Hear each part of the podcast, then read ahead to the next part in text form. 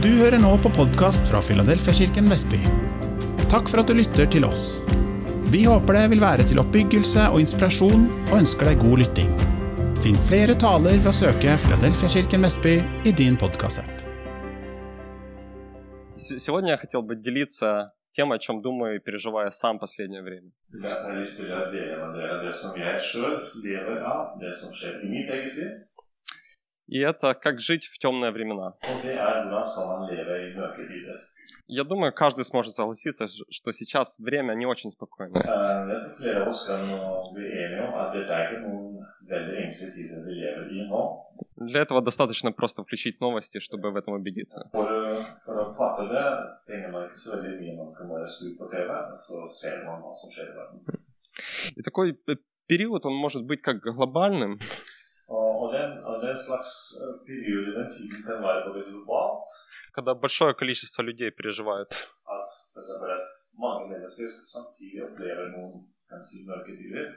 К сожалению, примером этого является мой народ Украины, который проходит через войну. Dessverre, eh, mitt, mitt folk i Ukraina de opplever sånn mørke tider akkurat nå.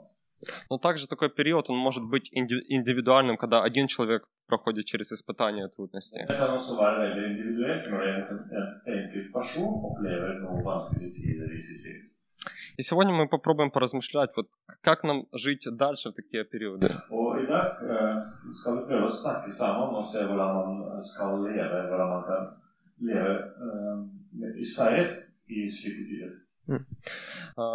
Eh, eh. А, К сожалению, среди церквей ра- раньше распространялось учение о том, что если человек верит в Бога, то у него не будет никаких проблем.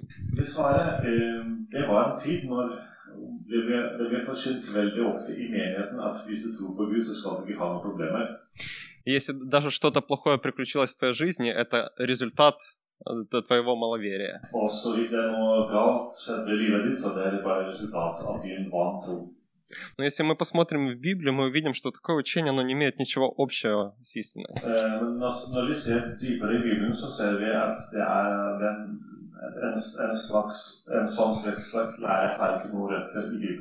Для этого достаточно просто открыть э, 11 главу к евреям.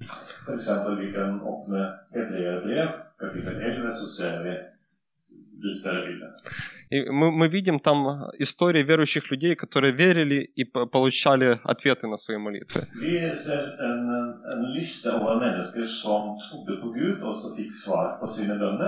Но также вторая половина людей, которые также верили и не получили ответа на молитву.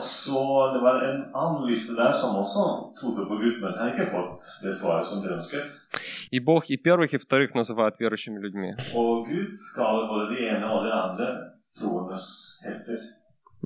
Если мы верим в Бога, который никогда не допустит э, плохому случиться в нашей жизни, Hvis vi tror på Gud, bare på en Gud som aldri tillater noe, eh, noe vanskelig ting å skje i vårt liv, и что-то плохое все-таки случится,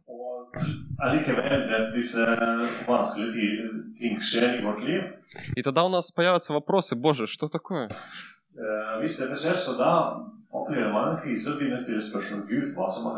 Потому что я верю, и ты должен сох- сохранить меня от, трудностей.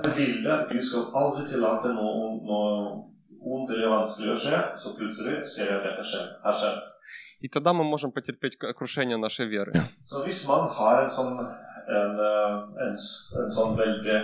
Eh, eh, En sånn bilde at Gud tillater aldri vanskelige ting skjer, man kan oppleve Но если мы верим в Бога, в такого Бога, который написан в Библии, тогда мы сможем пройти все.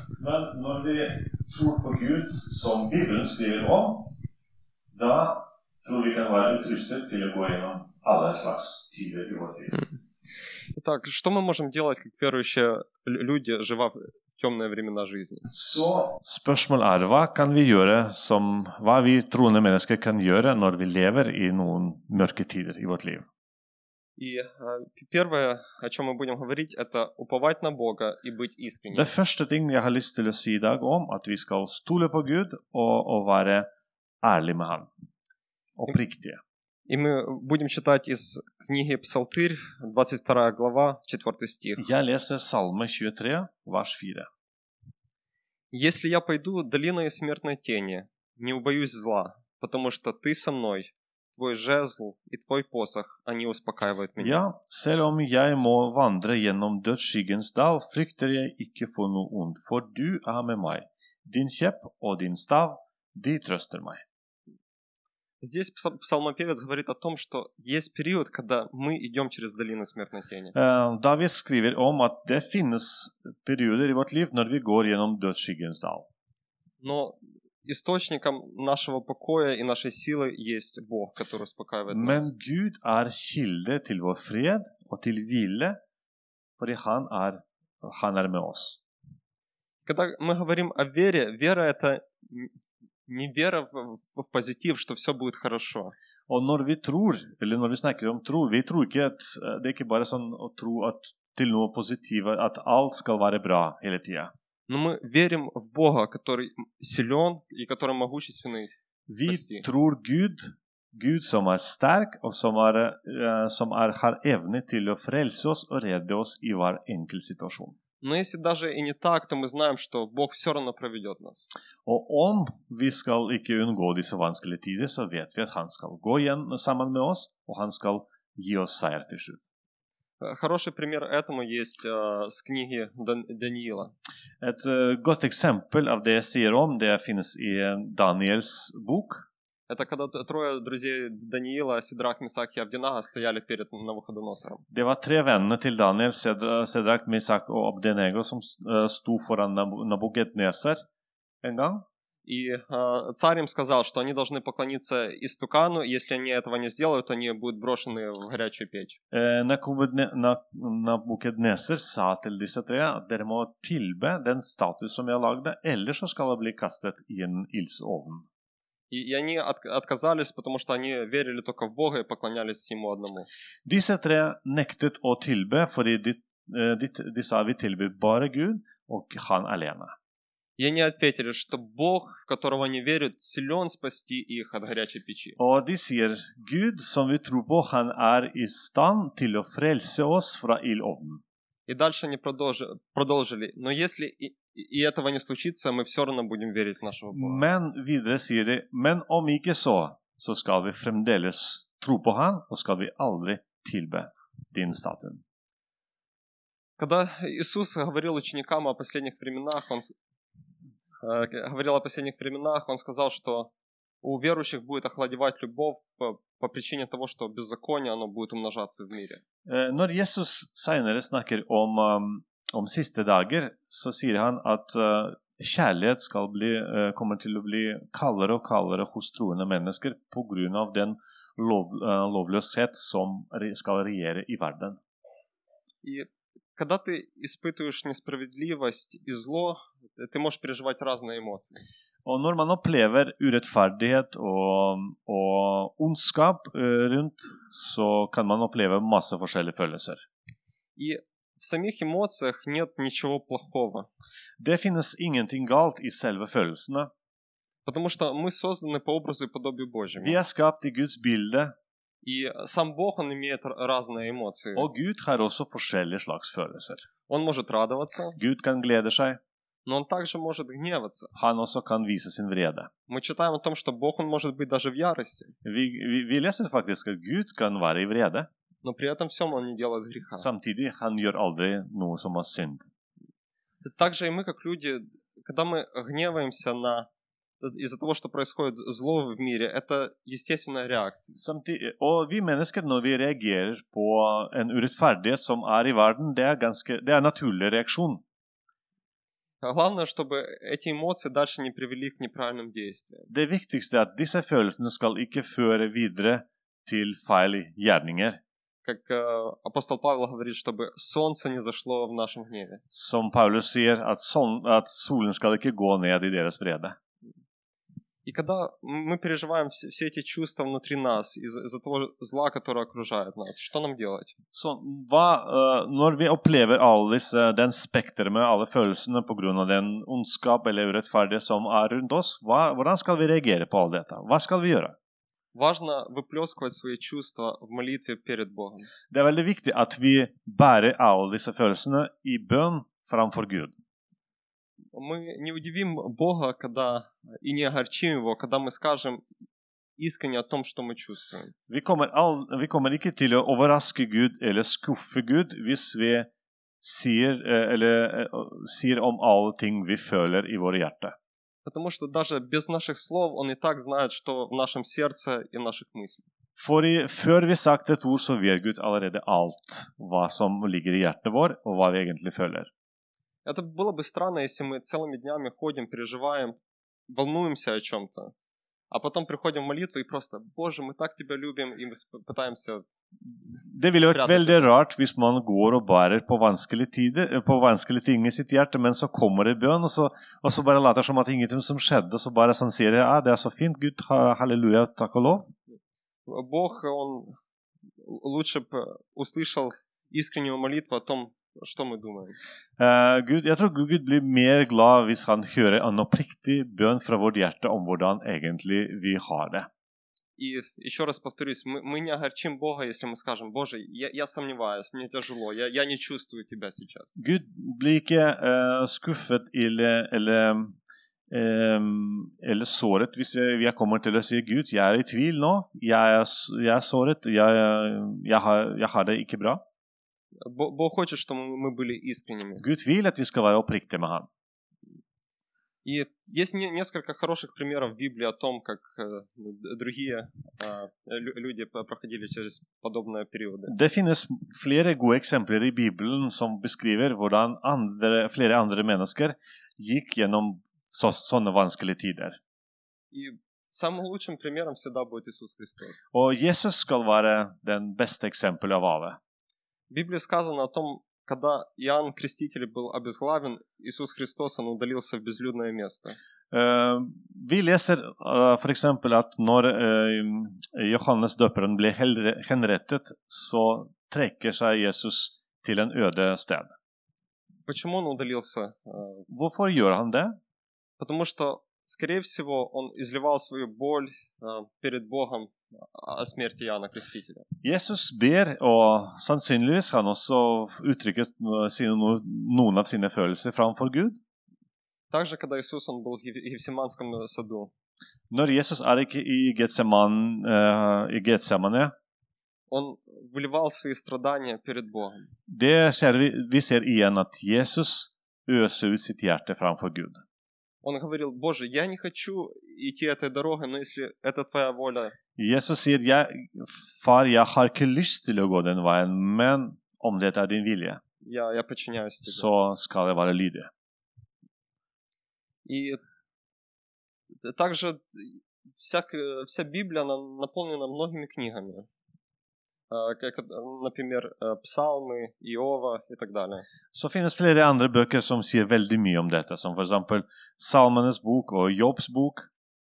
И многие из этих книг, они были написаны во время тяжелых периодов жизни. Og flere av disse skriftstedene ble skrevet i vanskelige tider når folk opplevde når folk opplevde eh, troskriser og lignende.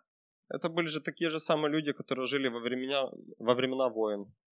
Og det var Flere av dem det var mennesker som også levde i tider når det var mye krig, Это голода og når det var sult и до других э, до- до трудностей жизни. og andre vanskeligheter i liv, va- livets vanskeligheter.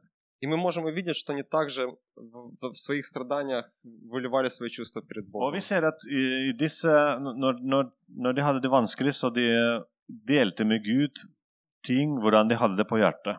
Мы также можем читать, что они иногда даже сомневались. Og vi leser også at noen gang var de i tvil, И это записано в Библии. og det står skrevet i Bibelen faktisk. Э, Бог, Он не сказал тем, кто, кто писали Библию, там, пожалуйста, не записывайте это, чтобы никто не приткнулся в будущем. Gud har ikke korrigert dette og ikke sagt nei, dette kanskje skal vi ikke skrive om, at her var det noen som tvilte. Nei, det, det, alt er her i Bibelen. Но это является укреплением для нашей веры сегодня. Og slike eksempler også styrker vår tro, Что это норм- нормально переживать эту трудность. fordi dette er, det sier oss at dette er helt normalt å oppleve vanskelige tider. И нормально изливать свое сердце. Og det er helt normalt å, å øse sitt hjerte framfor, framfor Gud. Также есть очень хороший пример в Библии а, с Иаковом, который есть Израиль. Eh, Det er også en, en veldig fint eksempel i Bibelen. Det handler om Jakob, som hans, hans navn også Israel. И э, Бог, Он хотел, чтобы Иаков пошел и встретился со своим старшим братом Исавом. Eh, Gud ville at Jakob skulle møte sin eldste bror Esau. Если вы знаете эту историю, перед этим э, Иакова, он обманул своего брата. Og hvis dere kan litt forhistorie, så for flere år siden Jakob lurte sin bror, og så ja, og, ja, og så gjorde ting som han skulle ikke gjort. Да. Он, он забрал первородство своего брата и также благословение своего отца, которое Хан- принадлежало к Исаву. Eh, han, han på en måte forhandlet, og så tok seg f- første Hva heter den Mm. Første fødselsrett, og så stjal velsignelsen som egentlig far skulle velsigne Ja- Jesau med. И после этого Иаков, он был в бегстве мно- многие годы. Og etter det var Jakob på flukt i mange år fra sin, fra sin bror. Но наступил момент, когда он должен был встретиться со своим братом лицом к лицу. Men så kom det et, pu- et tidspunkt når han skulle møte sin bror ansikt mot ansikt. И о- он начал бояться, что его ждет впереди. Og han opplevde frykt. И он э, по- послал всю свою семью вперед навстречу, Så det han gjør, han sender hele sin familie foran seg. а сам ночью развернулся и пошел в другую сторону. Og så mm, sender masse gaver, men på natten så er han alene og så egentlig kanskje skal gå en annen vei. Но э, он встретил Бога. Men der, i den mørke, så møter han Gud. И э, Библия говорит, что он начал bороться с ним. Og Bibelen sier at han begynte å, å kjempe med Gud. Ну, впоследствии Бог, он смирил его, Vi vet at Gud eh, ydmyket han, eller det vil si at Gud vant i den, i, i den kampen, и, и благословил. э, og velsignet Jakob. да, и, встреча с Исавом, она прошла хорошо. Det møtet med, mellom Jakob og Jesau gikk kjempebra, og de ble gode brødre og venner igjen. Ну, что мы можем подчеркнуть для себя в этой истории? Men hva kan vi lære av den historien? Что лучше бороться с Богом. At det er kanskje bedre å kjempe med Gud enn å flykte fra ham. В своих чувствах, в своих сомнениях, переживаниях. Man kanskje har tvil, man har eh, skuffelser, men at man er sammen med Gud enn at man flykter fra Gud. Потому что, когда ты борешься, по крайней мере, ты находишься близко к человеку. For når du kjemper, da er du ved siden av han, da er du i nærheten av han allikevel. И ты можешь чувствовать присутствие, Du må- kan kjenne hans nærvær, и ты можешь услышать то, что второй человек хочет тебе сказать. og du kan høre hva den andre kommer, har lyst til å si til deg. Но к- когда ты переживаешь и проходишь через ту- трудности и пытаешься убежать от Бога, Men når du har vanskelige tider og holder alt inni deg, eller prøver å flykte fra Gud, Ты отдаляешься все дальше и дальше. distanserer seg mer og mer fra Gud. И будет все сложнее и сложнее услышать то, что Бог Он хочет сказать или сделать det blir det blir vanskeligere og vanskeligere å høre hva egentlig Gud har å si til deg. Также, говоря о собственных переживаниях, э, важно окружить себя другими людьми. Den andre ting, eh, når man snakker om personlige eh, eh, kamper, det er også veldig viktig å omringe oss med gode mennesker. которые смогут э, поддерживать твои руки, молиться за тебя и быть рядом в тяжелых Mennesker som kan oppmuntre deg, som kan eh, løfte deg opp og skal være i nærheten. Так- Также, чтобы это были люди, которые готовы больше слышать, чем говорить. Og det skal ofte skal være mennesker som er villige til å mer lytte enn å prate. Потому что иногда ты получаешь э, душевное исцеление просто когда ты высказался. Innimellom hel helbredelse kommer rett og slett når vi deler ut det vi, det vi har på hjertet. И возвращаясь к, к- к- к примеру Иисуса Христа, будучи в Гефсиманском саду, Og når jeg, kommer til, når jeg refererer tilbake til det som skjedde med Jesus i Getsemane, i Getsemane Иисус, Он выливал свое сердце Богу, Jesus han delte alle sine tanker med Gud. Но также Он взял с собой своих учеников, которые также смогли его поддержать. Его Men vi страданиях. leser også at han også tok med seg sine venner, som kunne vært der hvor han var. По той же причине Бог, Он дал нам семью Av samme grunn har Gud gitt oss familie, и также церковь. også menighet. Э, В притчах сказано, если э, двое пойдут, и один упадет, второй сможет по- поднять упавшего. Ordspråkene sier at når to går sammen og én faller ned, så den andre kommer til å løfte den, den ene. В свои- в своих трудностях и переживаниях мы нуждаемся в Боге, и мы нуждаемся в других людях. Eh, I våre, eh, I våre kamper og våre vanskelige tider vi trenger først og fremst Gud, men også trenger vi andre mennesker. И когда мы говорим на упование на Бога, это не означает, что все изменится после одной молитвы. Når vi snakker om å sette vårt lit til Gud, betyr ikke nødvendigvis at ting kommer til å endre seg etter første bønn.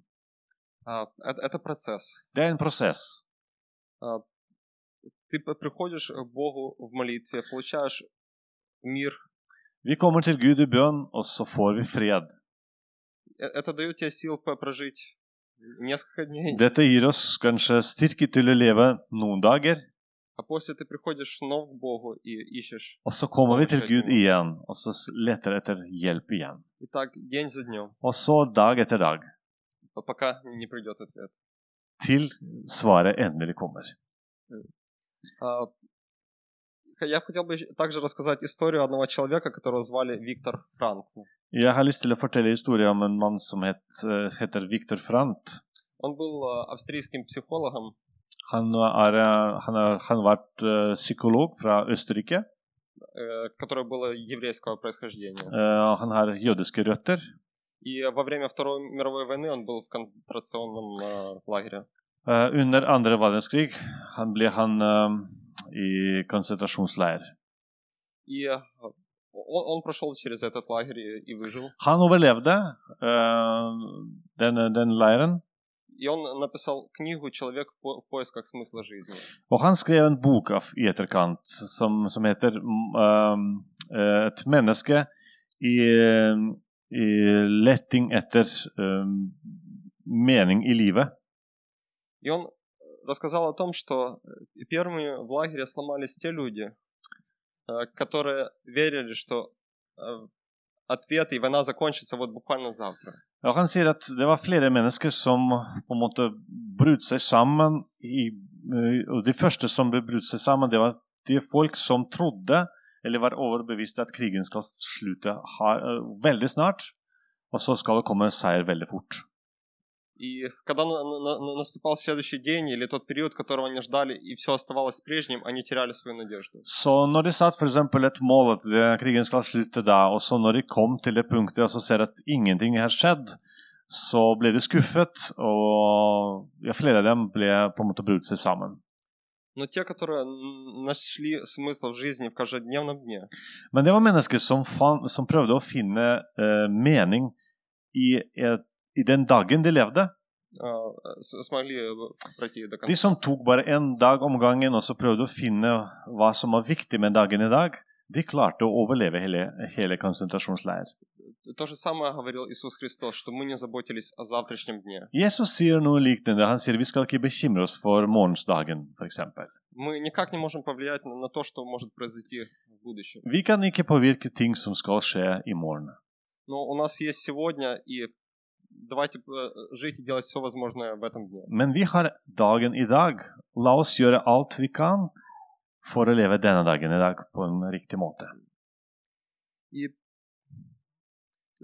также одна мысль. Перед тем, как помочь другим людям, тебе нужно получить по- помощь для самого себя. Og så en tanke til. Før man kan hjelpe andre mennesker, så trenger man å få hjelpen sjøl. Потому что если ты сам э, разбит и подавлен, ты не сможешь ничего дать другим людям. Hvis man er knust sjøl, ofte det er umulig å gi hjelp til andre mennesker. Да. То важно сохранить свое сердце. Det er viktig at vi også bevarer våre hjertene. Но с другой стороны, Men как- på andre siden, когда ты помогаешь другим людям, сам находи- находясь в нужде, på andre siden, når vi hjelper andre mennesker mens vi sjøl er i nød, ты можешь обнаружить, что твои проблемы не, не, не такие большие. man kan oppleve at mine egne problemer er ikke så store som hos de andre. Это, это то, как мы можем проходить э, трудности ин- индивидуально. Det er hvordan vi kan eh, gå gjennom vanskelige tider individuelt. А, д- Дальше мы поговорим, как мы можем э, проходить через и жить в темные времена, как церковь. Men la oss også snakke om hvordan kan vi gå gjennom vanskelige tider, mørke tider, som en menighet. И я хотел бы с вами открыть э, Матфея, oss, 5 глава, 13 стих. oss lese fra Matteus evangeliet kapittel 5, vers 13. «Вы соль земли. Если соль потеряет свой вкус, то что может опять сделать ее соленой? Она уже ни к чему не пригодна. Останется лишь выбросить ее вон под ноги людям». Dere er jordens salt, men hvis saltet mister sin kraft, hvordan skal det da kunne bli salt igjen? Da er det ikke godt for noe annet enn å kaste ut og bli tråkket ned av menneskene. А, Я думаю, мы используем соль сейчас а, не, не так, как использовали ее люди а, в прошлом. Jeg tror at eh, vi bruker salt eh, I dag bruker vi salt litt på, kanskje litt på andre måter enn eh, mennesker eh, brukte salt i forrige tider. В те времена, когда не было холодильников, I gamle dager når man ikke hadde kjøleskap, Люди использовали соль для того, чтобы сохранить а, продукты. så brukte man salt mye mer enn i dag for å konservere ting. И также люди использовали э, соль как антисептик. Så brukte s- eh, salt som antiseptik. И э, в этом месте из Писания Иисус говорит, что мы как церковь являемся этой солью. Jesus sier at vi som menighet, vi er den type salt. Другими словами, Бог хочет, чтобы мы сохраняли этот мир от, от а, р- разложения. Med andre ord, vi, vi, menigheten det er den som holder denne verden bort fra forråtelse. Бог хочет, чтобы мы были голосом истины и совести Gud vil at vi skal være en sannhetens røst og samvittighetens røst i den verden vi lever i. Но если мы как церковь не делаем это, мы теряем свою силу. И Og hvis vi som menighet ikke, den, ikke, har den oppgaven og ikke gjør det vi er kalt til, så mister vi vår hensikt. Og verden kommer til å synke mer og mer i det mørke. Hvorfor er det viktig at vi forkynner evangeliet? Потому что большее количество людей может услышать о спасении. Jo, fordi flere mennesker kan få høre om evangeliet og- komme til frelse. И, когда человек спасается, он отвращается от своих злых дел. Og så når et menneske kommer til frelse, han vender seg bort fra sine onde gjerninger. И э, в мире станет на одного человека меньше, который делает зло. Og så blir i hvert fall én person mindre i verden som gjør noe ondt. И т- т- также церковь она д- должна стоять против несправедливости, которую мы встречаем э, в в мире и в обществе. Menighet selvfølgelig skal også stå imot denne urettferdigheten som finnes i verden og i samfunnet. Мы, мы не можем за- закрывать глаза от этого. Vi kan ikke bare lukke øynene på ting som skjer rundt oss.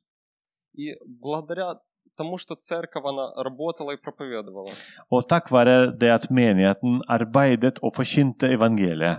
у нас есть такие э, вещи в мире, как Конституция, Vi har i dag sånne ting som grunnlov, которая в своей основе, э, э, в основе за- заложена Библия. и og i flere grunnlov, og i norsk grunnlov, det er Bibelen som ligger i, i bunnen. Э, Также заложены ценности жизни и равенства, как каждой жизни. Vi, på grunn av at men- menighet forkynte evangeliet i dag, har vi sånne verdier om menighets, menighetsverd og liv, eh, om menneskers verd. eh, цен- цен- цена жизни, да. Мгм. og, og livets verdi. Также у нас есть медицина и образование. Eh, medisin og utdannelse er også resultat av det at menighet forkynte evangeliet. Потому что в прошлые э, времена церковь несла эти ценности в мир. Fordi i mange år menigheten bærte disse verdiene inn i verden, И, i samfunnet. и это является светом. Og dette er vårt lys. И это сохраняло мир от того, чтобы он не погружался дальше во тьму. Og dette gjorde at eh, Og det var grunn til at eh, Det gjorde at verden kunne, eh, kunne ikke komme i mørket så fort. Мы также знаем э, и- истории, когда церковь, она закрывала глаза на несправедливость и беззаконие. Samtidig kjenner vi flere historier når menigheten har lukket øynene på urettferdighet og lovløshet som var rundt, Но для того, чтобы сохранить свое влияние и комфорт. for å, bes, for å, for å, for å beholde sin innflytelse eller for å, få- for å ha- fremdeles ha komfort. Главное, что нас не трогает. Мы- Нам здесь хорошо, комфортно вместе. Det viktigste er at vi blir ikke berørt, og vi har det veldig bra her inne. Но нас не интересует то, что находится за стенами. Vi er ikke interessert i det som er eh, på andre siden av menighetsvegger.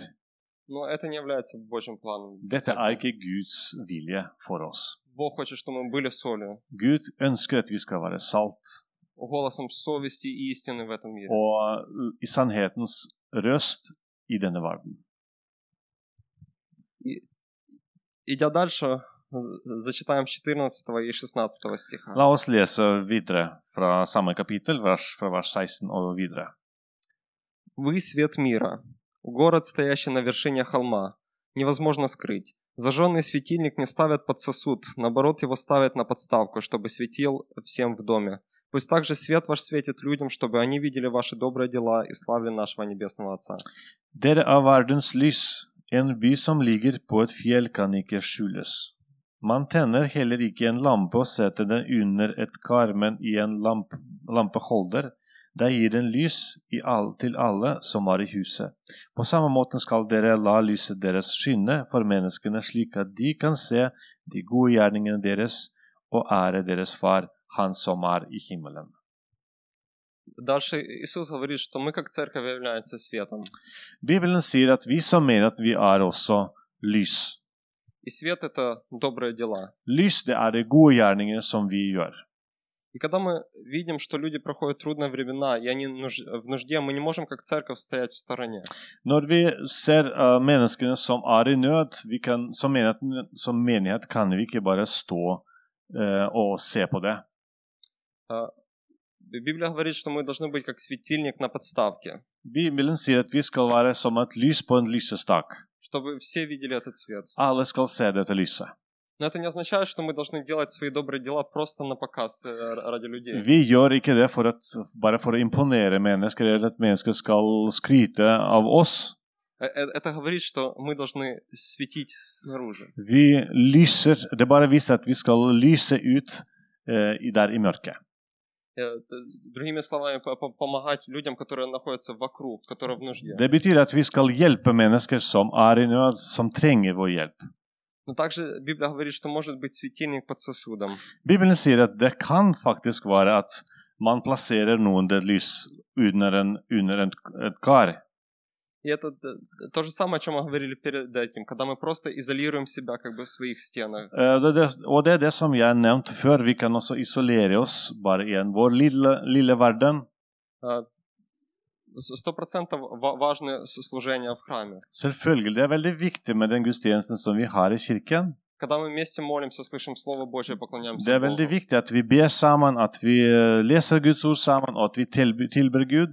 Но вопрос, что мы делаем после этого? Men spørsmålet hva gjør vi etter det, når vi er ferdig med gudstjeneste? Идем ли мы э, н- наружу помогать другим людям? Kommer vi ut for å hjelpe andre mennesker, for å bære dette lyset til andre mennesker? И э, вч- вчера я про- просто задумался и э, хочу вам задать вопрос. Что будет со свечкой, которую вы на- накроете стаканом? Jeg tenkte om det i går, faktisk. Hva skjer med et lys hvis du dekker det med et kar?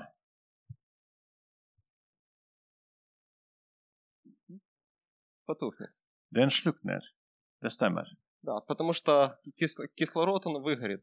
Eh, oksygen brenner ut, og da slukner lyset. Ikke sant? И я, я для себя получил откровение. Og da fikk jeg åpenbaring av dette. А, Бог и Его Дух являются а, кислородом для нас. Guds ånd det er en slags som, som en oksygen for oss. И, и Божье сердце с людьми, которые в нужде. Og Guds hjerte er blant mennesker som er i nød. Бог, Он думает о вдовах, о сиротах. Gud eh, ser uh, enker, Gud ser foreldreløse barn. Он с, с теми, кто в горе. Han er der hvor det er sorg, hvor det er smerte. И Он хочет, чтобы Его церковь, как Его тело, были там, где и Он. Og Gud ønsker at hans menighet skal også være der hvor han er. Но когда мы просто закрыты, находясь как бы под стаканом, Men når vi er bare lukket under en kar, мы используем э, этот кислород для, для, самих, для самих себя. vi bruker opp den, eh, den oksygen bare for oss sjøl. Но в конце концов, как бы на- наш свет, он потом погасит. Men til slutt, det lyset, det kommer til å slukke. И slukne. церковь как та- таковая, она не будет успешной. Og menighet kommer ikke til å, å ha noen suksess eller fremgang. И как, как мы можем практически помогать тем людям, которые находятся в ну- нужде? Hvordan kan vi hjelpe mennesker som er i nød i våre tider? Библия говорит, что достаточно просто радоваться с радующимися и плакать с плачущими. Bibelen sier man kan glede seg med de som er glad, og sørge med dem som er eh, i sorg. Если вы знаете человека, который проходит трудные ве- времена жизни, просто посетите такого человека. Kjenner man en som er i sorg, du kan bare besøke han og så bare være sammen med han. А, Вам не нужно говорить многое, просто будьте рядом с таким Man человеком. trenger ikke si veldig mye, man kan bare være i nærheten. Будьте хорошими слушателями. Bare å være en god lytter. И э- это будет намного важнее, чем э, множество слов, сказанных. Det kan være mye mer verdt enn mange ord som er sagt i den situasjonen. Также мы можем практически помогать людям из своего имения. Man kan også tjene andre med det man eier. Апостол Павел говорит, что если у вас есть что-то, а у других людей нету, Paulus sier hvis du, hvis du har i dag noe, og andre ikke har, то м- мы, мы должны поделиться. så vi, vi, vi må dele med de andre. И, и таким образом будет равенство. På den måten så blir det balanse, eller så det blir eh, likhet. Потому что мы также когда-то можем оказаться в нужде. Fordi det kan være en annen situasjon når vi er i nød, И д- другие люди, они также смогут og помочь. da нам. andre mennesker kan også hjelpe oss. И это может, могут быть также другие практические вещи, поделиться одеждой. Det kan være andre praktiske ting som man kan gjøre. Det kan være å dele klær eller andre ting. Это э, основные ценности, которые Бог он вкладывает в свою церковь. Dette, Э, Основные ценности помогать э, Ja. людям å hjelpe andre mennesker, dette er en av de viktige verdier som Gud også snakker om, også legger i DNA i menigheten. И таким образом мы сможем проживать эти темные врем- времена и периоды Og på жизни. den måten kan vi leve gjennom disse vanskelige og mørke tider som vi opplever en gang iblant. Я буду э, идти э, к концу, заканчивать. Jeg skal runde meg av snart. И когда мы проходим темные времена, важно бежать к Богу и изливать свое сердце перед Ним. Når vi går gjennom vanskelige tider, det er veldig viktig at vi løper til Gud, Gud og så deler vårt hjerte med Han. Найти людей, с кото- с которым ты также можешь в- высказаться. И Utrolig viktig å ha mennesker rundt oss som kan støtte oss, som vi kan også dele vårt hjerte med, som kan lytte til oss. не, не пытаться спрятать это, но быть искренним. Vi skal ikke eh, skjule dette fra noen, men å være ærlig og oppriktig med noen. И мы, как церковь, д- должны быть громким голосом истины и совести. Som menighet skal vi også være en, en eh, høy, høy lyd, eller høy eh, røst, sannhetens røst her i samfunnet.